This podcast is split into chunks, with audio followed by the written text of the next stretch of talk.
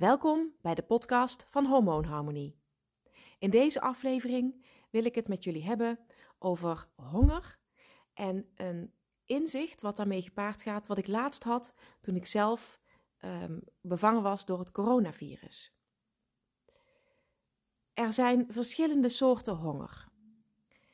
Je hebt natuurlijk um, echte honger.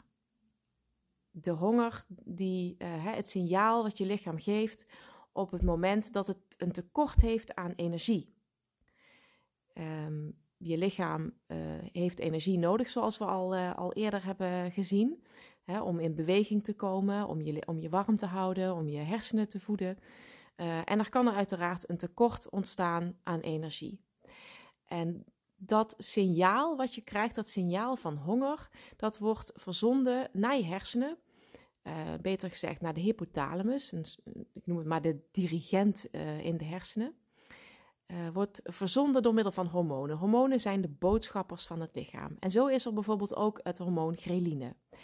Ghreline wordt aangemaakt door de maag en geeft aan die hypothalamus het signaal dat er behoefte is aan voeding. Zie daar het gevoel van honger. Het stimuleert ook de aanmaak van maagzuur en het brengt de maag in beweging, uh, waardoor je maag dus ook kan gaan knorren. Uh, het leegt je darmkanaal en de maag. Zo, dus tegelijkertijd, op het moment dat jij het signaal krijgt van honger, uh, wordt je lichaam ook klaargestoomd voor het ontvangen van een nieuwe maaltijd, zodat deze ook zo snel mogelijk verteerd kan worden. Een ander hormoon wat uh, betrokken is bij de energievoorziening van het lichaam is leptine. Uh, dat wordt voornamelijk aangemaakt in uh, vetweefsel.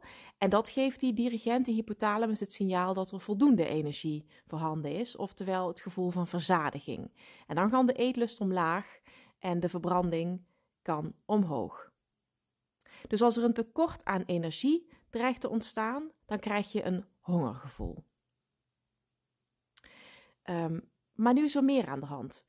Uit onderzoek is gebleken dat de uh, grelinespiegel met je brein te beïnvloeden is. Dus als je denkt dat je meer gegeten hebt dan je daadwerkelijk deed, dan daalt je grelinespiegel sneller dan wanneer je denkt dat je weinig hebt gegeten.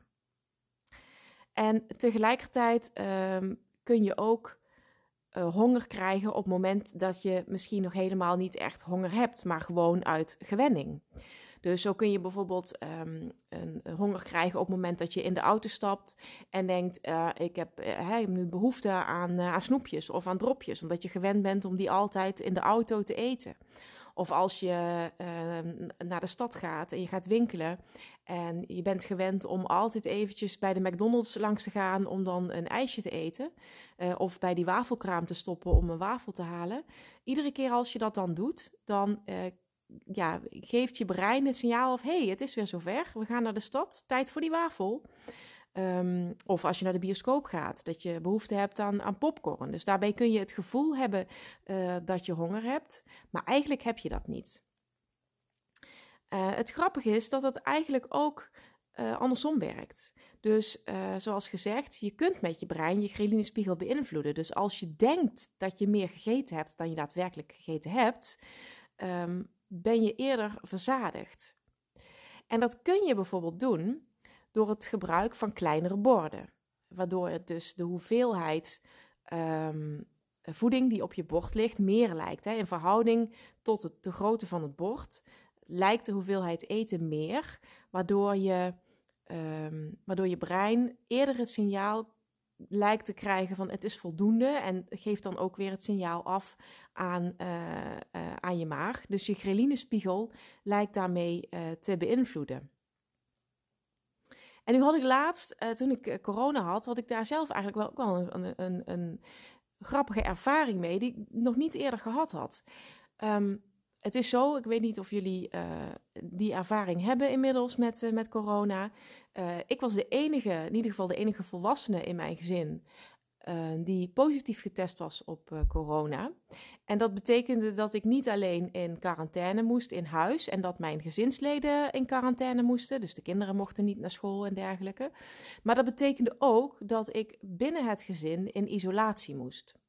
Dus ik mocht niet in de buurt van mijn partner en mijn kinderen komen om te voorkomen dat ik hun zou besmetten met corona.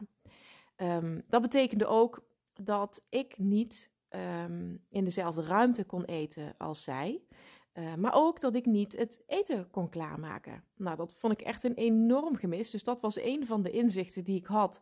Dat ik het enorm uh, miste om uh, um, ja, maaltijden klaar te maken, om te koken. Dat, dat merkte ik vooral nadat, toen ik het weer wel mocht. Ik stond gewoon een simpel eitje te bakken als ontbijt. En toen dacht ik, jeetje, wat heb ik dit gemist. Um, dus het is wel echt iets wat bij mij hoort. Koken is gewoon echt mijn ding, mijn leven. Um, dus dat was, dat was een van de inzichten. Um, maar wat ik vooral heel opvallend vond, is mijn, mijn vriend, die ging dus koken. En hij vond het hartstikke leuk om te doen en hij kan het ook heel goed. Uh, dus hij ging koken. Um, en ik wist wel wat hij, wat ging klaarmaken. En, uh, maar ik, ik zat in een andere ruimte dan, uh, dan hij en mijn kinderen op het moment dat we gingen eten. Dus ik zag niet de pan uh, die op tafel kwam en um, de hoeveelheid eten die er daadwerkelijk was. Dan vervolgens werd mij een bordje gebracht. En dat at ik dan netjes leeg. En na een tijdje kreeg ik de vraag van mijn vriend: Wen, lust je nog wat? En het grappige was dat ik op dat moment veel meer, eh, doordat ik niet kon zien hoeveel er nog was, dat ik veel meer in staat was om echt naar de signalen van mijn lichaam te luisteren. Heb ik nu daadwerkelijk nog behoefte aan voeding, ja of nee? Dus ik werd helemaal niet beïnvloed door gedachten als: um, oh, er is nog een klein beetje. Uh, nou ja, dat is ook zonde om dat maar in de prullenbak te laten verdwijnen. Of, um, goh, het is nog een paar, uh, nog, maar, nog maar een flinke lepel, dat krijg ik nog wel op. Of het ziet er zo heerlijk uit, het ziet er zo lekker uit, ik neem nog maar wat. Al die signalen, die kreeg ik dus niet. Ik zag niet hoeveel er nog over was. Ik zag niet wat er nog in de pan lag. Um, dus ik moest het puur doen met mijn gevoel, met mijn lichaam. Uh, waardoor ik dus ook merkte dat ik veel sneller zei: nee, dat hoeft niet. Ik heb voldoende gehad. Terwijl ik normaal gesproken wellicht uh, echt nog wel een tweede keer had opgeschept, omdat ik het zo lekker vond en omdat ik ja, ook nog wel wat op kon. Um, dus ja, dat vond ik eigenlijk wel een, uh, een, een, hele opmerkelijke ervaring. op die manier kon ik ook veel meer, denk ik, eten volgens de um, ja, ik ben even de naam kwijt. Dat is zo'n Japanse, uh, Japans gezegde, een Japanse leefregel die zegt dat je eet tot je 80% verzadigd bent. Dus dat het gevoel van ja, er zou nog wel wat bij kunnen. Um, maar, maar nee, eigenlijk hoeft het niet. Ik heb zo ook wel voldoende dus dat gevoel had ik eigenlijk. Ik had, ik had voldoende. Ik had de rest van de avond ook geen honger meer. Maar je hebt ook geen schuldgevoel. En je hebt ook geen pijn in je maag omdat je te veel hebt gegeten. En je voelt je niet ongemakkelijk. En je bent nog steeds uh, fit. Zo fit als je dan uh, bent met corona. Um, dus ja, dat vond ik eigenlijk wel een heel bijzondere uh, ervaring. Um, daarbij had ik nog een andere leuke ervaring. Toen ik daarna wel weer ging koken in eerste instantie dus dat gewakken ei, waar ik al helemaal, uh, helemaal vrolijk van werd. En dat ik dacht, goh jeetje, uh, dat heb ik echt vreselijk gemist. Uh, een andere ervaring was dat ik had dat ik gewoon een ui kon snijden zonder tranen en zonder prikkende ogen. En dat was ook een hele nieuwe ervaring. Want normaal als ik een ui ga snijden, snijden dan, dan rollen de tranen over mijn wangen. En de eerste dagen, hè, mijn smaak en mijn, mijn um, um, reuk, mijn geur waren, waren um, ja, ook verdwenen. Die waren weg in eerste instantie. Die kwamen na een aantal dagen wel weer terug. Um, maar door, ja, ik denk dat dat er ook mee te maken had. Ik, ik rook de uien niet. Um, op de een of andere manier waren die zintuigen uh, geblokkeerd.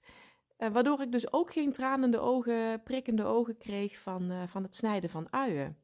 Dus dat vond ik ook wel een hele opmerkelijke ervaring. Terwijl ik dit nu vertel, denk ik, ja, dat kan natuurlijk ook een reden zijn geweest. Uh, waarom ik minder behoefte had aan, uh, aan eten. Of waarom ik eerder stopte met eten. Doordat je smaak en je, uh, je, je reuk verdwenen is. dat, was, dat was ook een, een, een grappig, grappige ervaring eigenlijk. Hè, mijn vriend kookte maaltijden die we al vaker uh, gegeten hadden, die we al vaker gekookt hadden. Dus waarvan je weet hoe het moet smaken. Terwijl ik op dat moment niets proefde. Ik, ik voelde uh, het mondgevoel, ik ervaarde het mondgevoel. Ik, ik voelde een romige saus of ik voelde de crunch van groenten of iets dergelijks. Maar um, de echte smaken, de kruiden en de smaken van de groenten en het vlees, die proefde ik niet. En dat was ook weer zo'n, ja, je zou kunnen zeggen, een mindfuck.